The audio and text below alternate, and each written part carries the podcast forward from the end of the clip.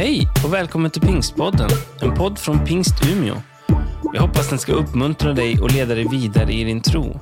För att få mer information om Pingst Umeå och allt som händer i kyrkan, gå in på umia.pingst.se eller följ oss på Instagram och Facebook, at pingstumia.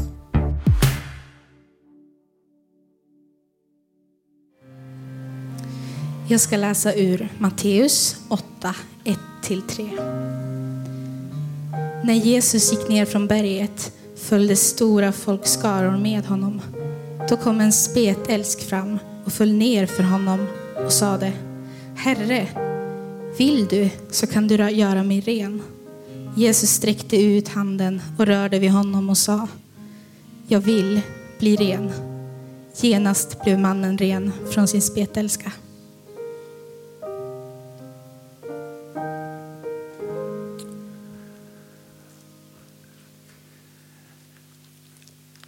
Stort tack för en fantastisk lovsång. Så härligt att vara här i kyrkan idag och så roligt att du är med oss och firar gudstjänst online på det här sättet. Vi tänker att nu gör vi hela Umeå till en kyrka. Vi är inte bara här i pingst i Umeå utan vi tänker att det är många som är med oss.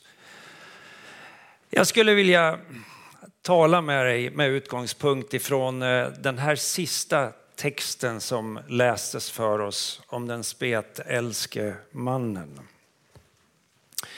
Bibeln säger att om vi vill förstå vem Gud är, om vi vill se Gud i ögonen, höra hans röst och förstå vad han har för egenskaper, då ska vi gå till Jesus.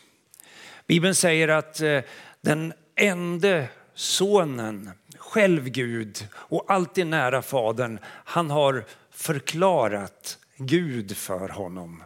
Och när de första kristna liksom skulle sätta ord på det här så låter det så här i Paulus brev till Kolosse. Att i honom, i Kristus, har hela den gudomliga fullheten förkroppsligats och tagit sin boning.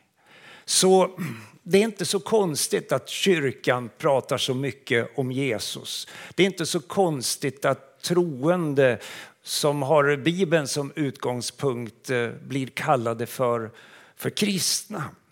Men det är också så att om vi vill förstå oss själva. Förstå vad det innebär att vara människa och vad en människa är värd.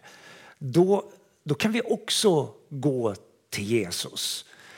Om Jesus heter det nämligen att han visste av sig själv vad som fanns i människan. Så om hela världen säger till mig eller kanske hela världen talar med dig om att du inte har något värde. Och hela vår inre värld bekräftar den lögnen. Då kan vi gå till Jesus. Och då, då är det så märkligt att ett enda ord, en enda blick, ett enda tilltal ifrån Jesus kan förvandla livet så att du och jag upptäcker värdet i vår tillvaro. Därför blir varje sån här berättelse som vi har läst nu tillsammans så speciell. Vi teologer, vi analyserar varje ord, vi funderar varför användes det ordet där och varför hamnade det ordet före det ordet? Och, och så tittar vi på berättelsen i, i sitt sammanhang och i sammanhanget i boken och boken i Bibeln och så försöker vi förstå vad säger det här om människan och vad säger det om Gud.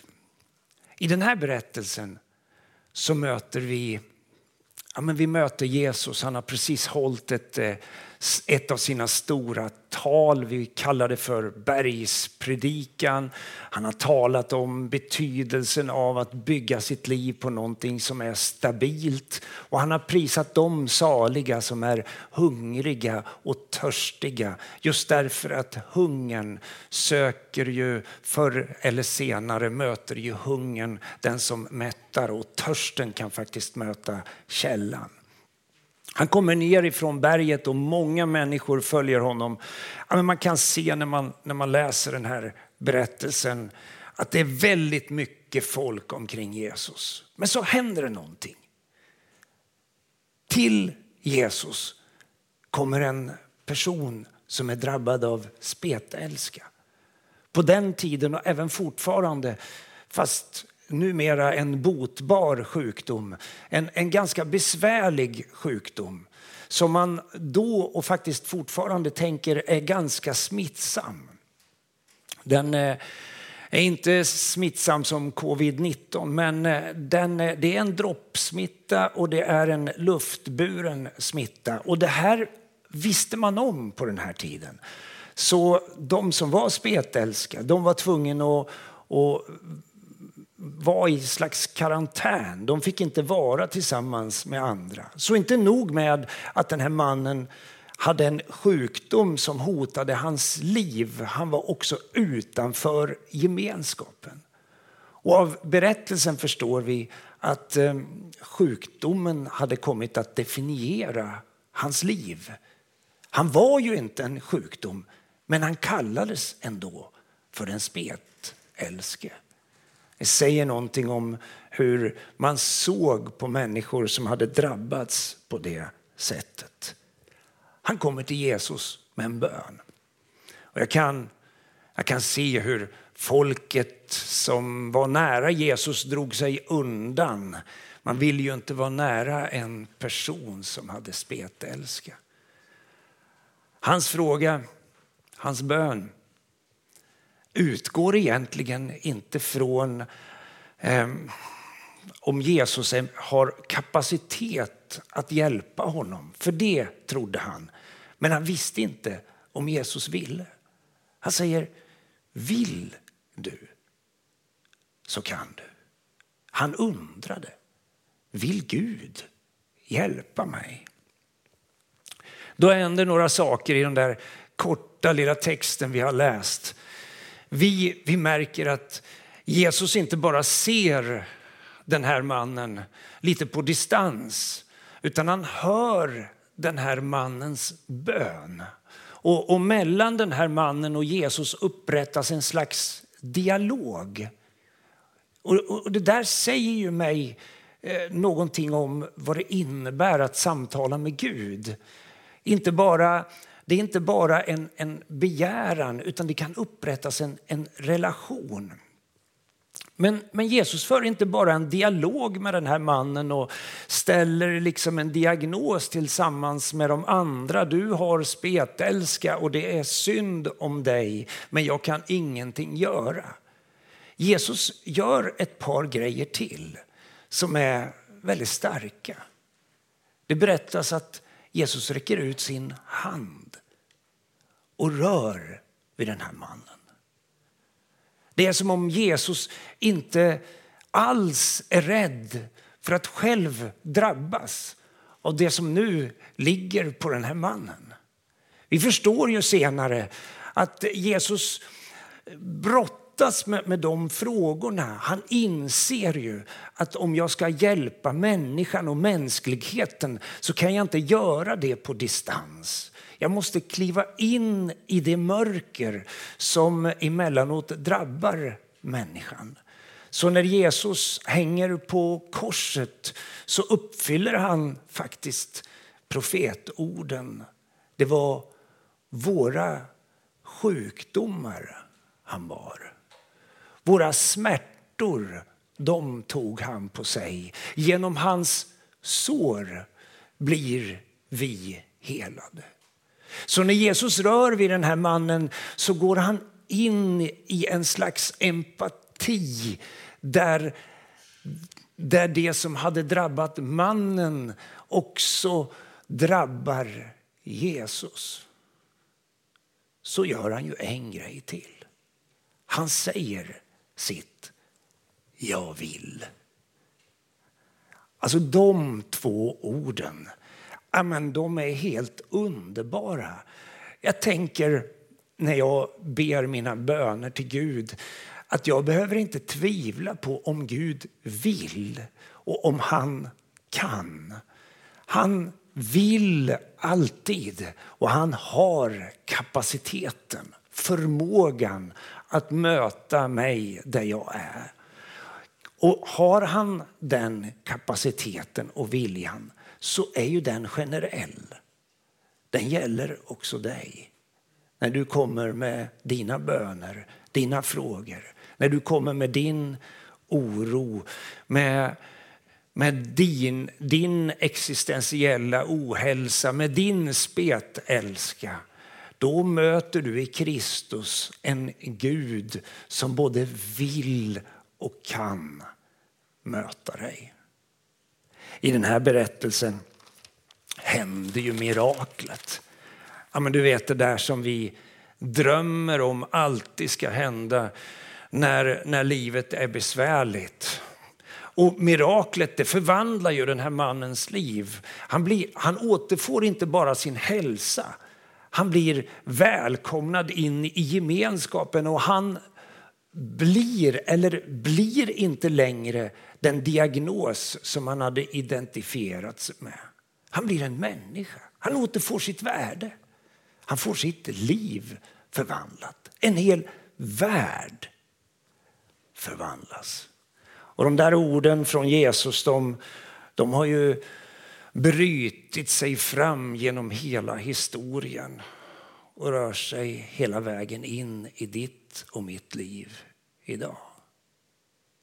Ibland, ibland sker undret omgående. Men ibland så får vi vänta.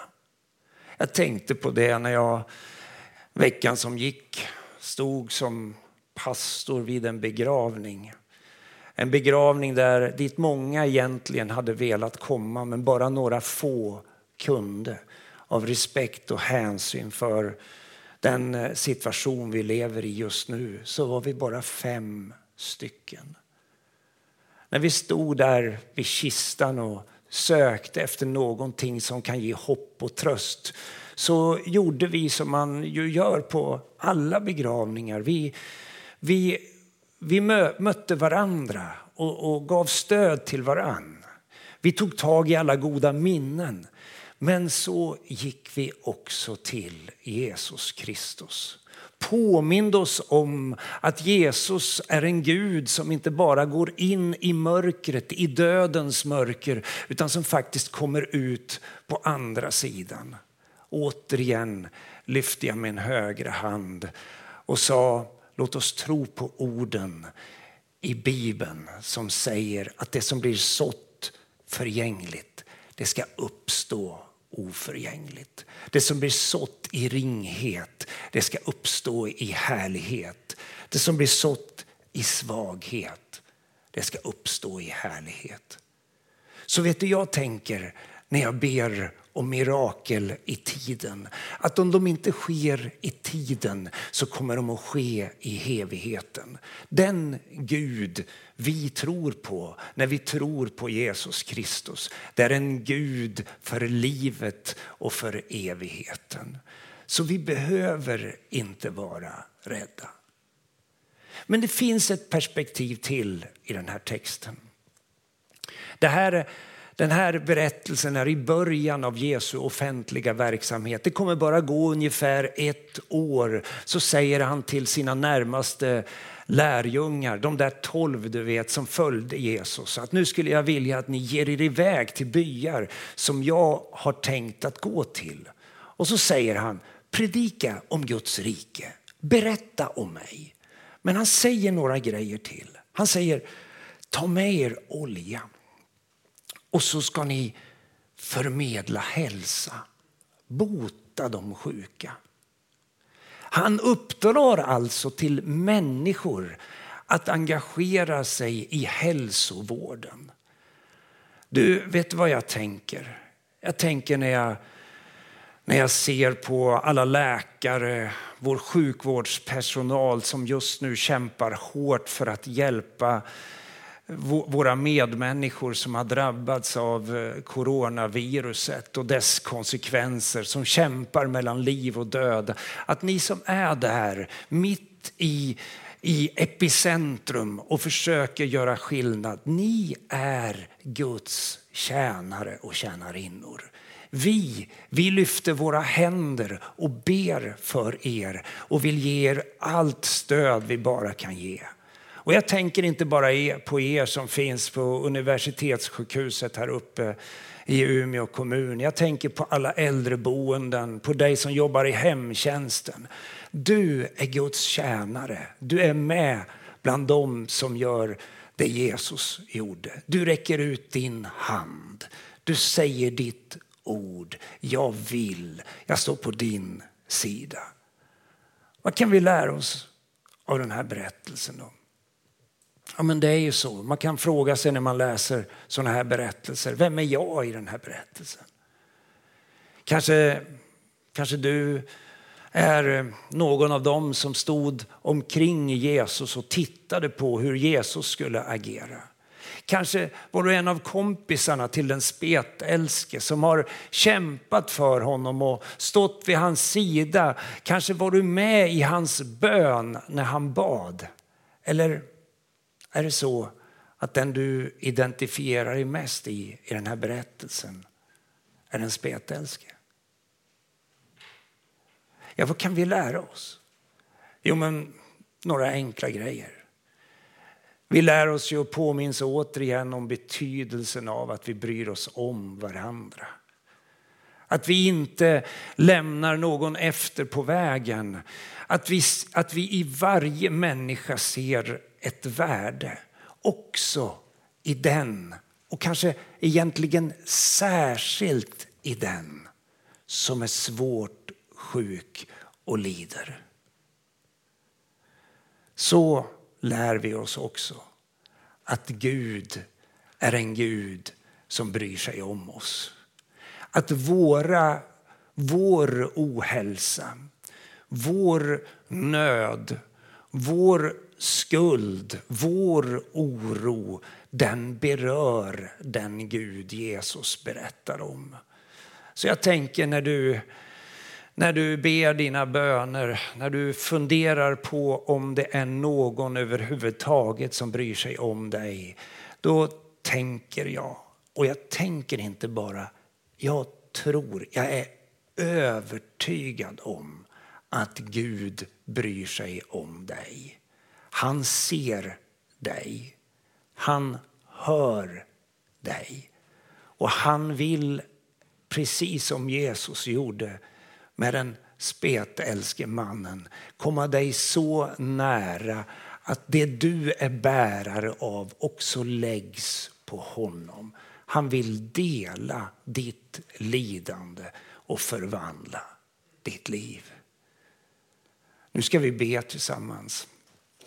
Och jag vill inbjuda dig att be en bön till Gud. Där du, där du är just nu, berättar som det är. Om du är drabbad av ohälsa, om den är existentiell, om den är själslig, om den är fysisk, om ohälsan har slagit ut din ekonomi, har förstört dina sociala relationer, att du inte längre har någon gemenskap, något sammanhang. Ja, men berätta. Berätta för Jesus Kristus. Berätta för den Gud Jesus berättar om. Han vill röra vid dig. Och bär du på synd och skuld, saker i ditt liv som du tänker det här skulle jag behöva göra upp. Jag skulle behöva bekänna att så här ser mitt liv ut. Så möter du i Kristus någon som är på din sida. Han säger till dig de där två underbara orden. Jag vill bli ren. Låt oss be tillsammans. Gud, jag vill tacka dig. Jag vill tacka dig för att du i Kristus visar oss vem du är.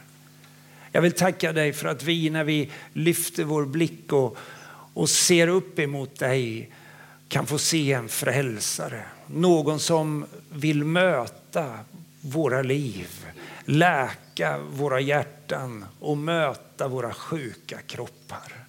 Och jag tackar dig för att vi kan få be om mirakel både i tiden och i evighet.